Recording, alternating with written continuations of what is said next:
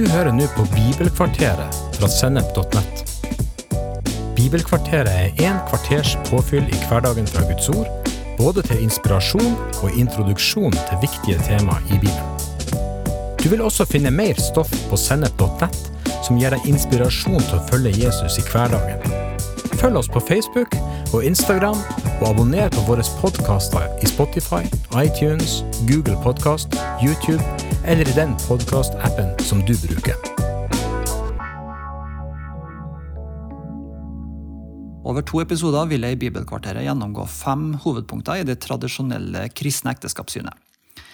Jeg vil berøre hva som er spesielt med ekteskapet, slik Bibelen framstiller det, og hvordan det berører dagsaktuelle tema som likestilling, barneoppdragelse og sex. Her er episode to. Det fjerde hovedpunktet i gjennomgangen av ekteskap handler om at ekteskapet er en trygg ramme for barn sin oppvekst. Ekteskapet skal danne en trygg og god ramme for eh, barn sin oppvekst. Kristne foreldre har fått en viktig oppgave i å gi ungene en god oppdragelse etter Herrens vilje, som det står i Efeserbrevet kapittel 6. Vi leser fra vers 1. Dere barn, vær lydige mot foreldrene deres i Herren, for det er rett og riktig. Du skal hedre din far og din mor, og dette er det første budet med et løfte, så det kan gå deg godt og du kan leve lenge i landet. Dere foreldre, vekk ikke sinne og trass hos barna deres, men gi dem omsorg, så de får en oppdragelse og rettnedling som er etter Herrens vilje. Foreldre bør ikke forvente at søndagsskolen eller kristendomsundervisninga på skolen eller leirer er tilstrekkelig for å lære ungene om Jesus. Denne oppgaven hører hjem hos foreldrene. Og I møte med økt sekularisering så vil mainstream-kulturen i stadig mindre grad spille på lag med kristen tenking. Derfor så trenger foreldre kontinuerlig å bevisstgjøre ungene på å reflektere over hva de møter, enten det er på skolen, på Netflix eller i sosiale medier. Når Paulus tar opp dette med barn og foreldre, så advarer han spesielt foreldre mot å være for streng mot ungene, sånn at det vekkes trass og motløshet. Unger sin oppvekst skal være prega av omsorg og kjærlighet. Det de ser og erfarer hjemmefra, det vil de bære med seg videre i livet. Gjennom Bibelen så lærer Gud oss hva ord som tilgivelse, trofasthet og kjærlighet betyr. Gud hjelper oss til å forstå viktigheten av en sunn form for lydighet og en eh, sunn grensesetting. Vi sjøl har fått en far i himmelen som skaper tro, som oppmuntrer oss, og som eh, gir oss håp når han snakker til oss, og som ikke skjeller oss ut hver eneste gang vi gjør noe feil. Og alt det som jeg sier her nå, det er egentlig overførbart til hvordan vi som foreldre bør behandle ungene våre.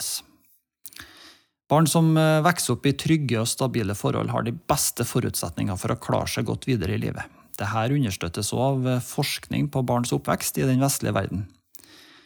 Samlivsbrudd er jo en eh, vond opplevelse både for barn og for voksne.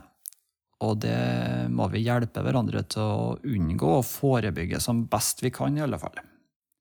Så hensynet til ungene er en av årsakene til det kristne ekteskapssynet, og at det er et godt ideal å holde fast på.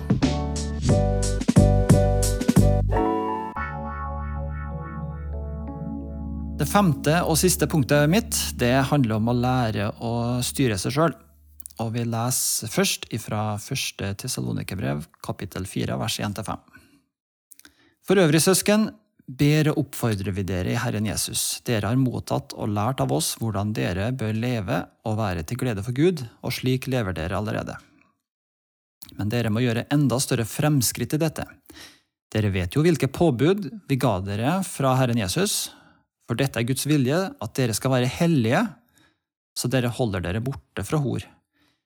Hver av dere skal vite å vinne seg sin egen kone i hellighet og ære, ikke i sanselig begjær som hedningene, de kjenner jo ikke Gud.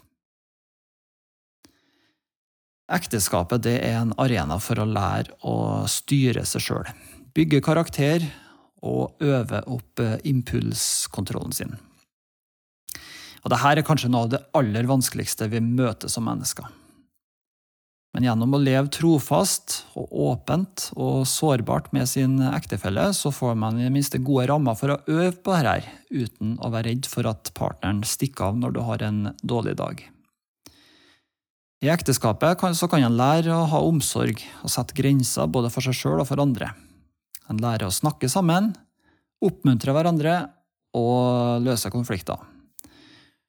Og forhåpentligvis så lærer en å ta hensyn til andre, forstå ulikheter og stå for egne meninger. En kan lære å elske og tilgi, gjøre seg sjøl sårbar og bli godtatt med sine svakheter. Jeg tror ikke det finnes et eneste ekteskap som ikke erfarer at dette er krevende og smertefullt å jobbe seg gjennom. Så her trenger vi å være åpen, involvere andre i å snakke om det som er vanskelig. Å lære å disiplinere seg sjøl gjelder spesielt innenfor det seksuelle området. Ekteskapet gir anledning til et seksualliv prega av intimitet, romantikk og nærhet, som kommer til sin rett med trygge og gode rammer på plass. Det er et veldig press på det tradisjonelle kristne synet på seksualitet i Norge. Det skapes et inntrykk i mainstream-kulturen rundt oss at et aktivt seksualliv er ensbetydende med å være lykkelig, og at det å legge bånd på sine seksuelle lyster er skadelig. Samtidig så øker forventningspresset om å ha et innholdsrikt og utforskende sexliv fra tidlige tenårene, hvor sex gjerne reduseres til en byttevare. Sjøl syns jeg det er rart at ikke politikere, og journalister og forskere gjør mer i møte med de problematiske sidene ved denne utviklinga.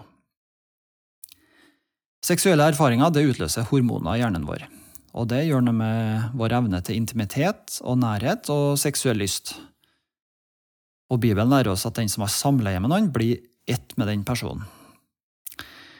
Så jeg velger å være enig med Bibelen. Jeg tror det er bra å gjøre seg sjøl eksklusiv for den som en vil gifte seg med senere i livet. Sånn at en kan komme inn i ekteskapet uten erfaringer som en gjerne skulle ha vært foruten. Samtidig, realiteten er at mange kristne òg får erfaringer de eh, skulle ha vært foruten. Så her eh, finnes det nåde, det finnes hjelp hos Gud, og støtte og forståelse, både i terapi og sjelesorgsamtaler, til å bearbeide de tingene her. Jeg tror for mange ekteskap inngås på feil premisser. Enten fordi at en har en romantisert forestilling av det lykkelige A4-livet med den altfor private kjernefamilien, eller fordi en eh, ubevisst søker en dyp bekreftelse hos partneren sin som egentlig bare Gud kan gi. Så det å leve enslig det er et eh, godt alternativ som bør løftes fram, i alle fall om en klarer å leve uten sex.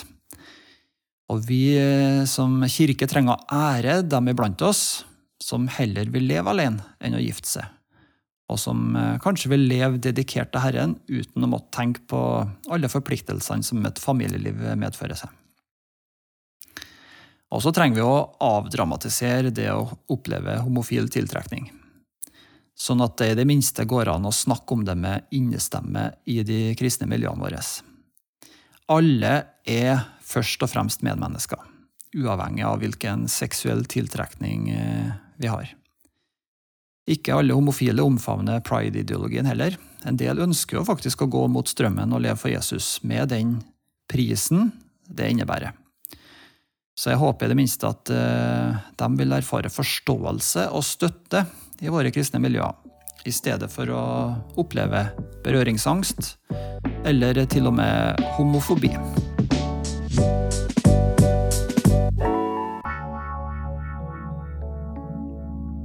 Helt til slutt. Guds ord åpner ikke for at eh, etterfølgere av Jesus kan velge noen andre samlivsformer enn det kristne ekteskapet.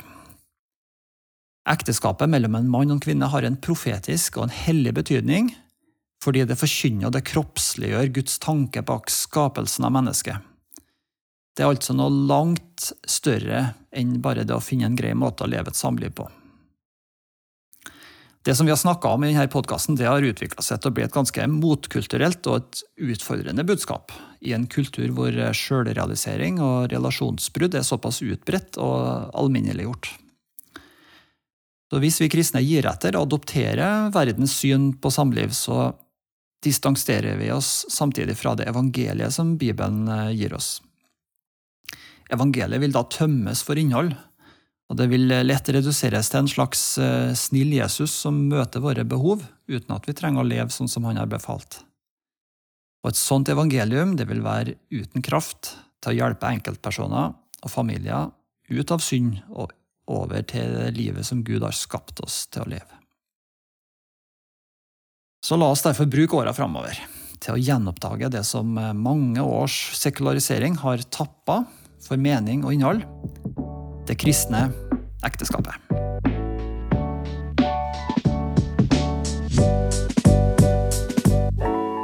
Du har hørt en episode fra Bibelkvarteret på sennep.nett. Du vil også finne mer stoff på sennep.nett som gir deg inspirasjon til å følge Jesus i hverdagen.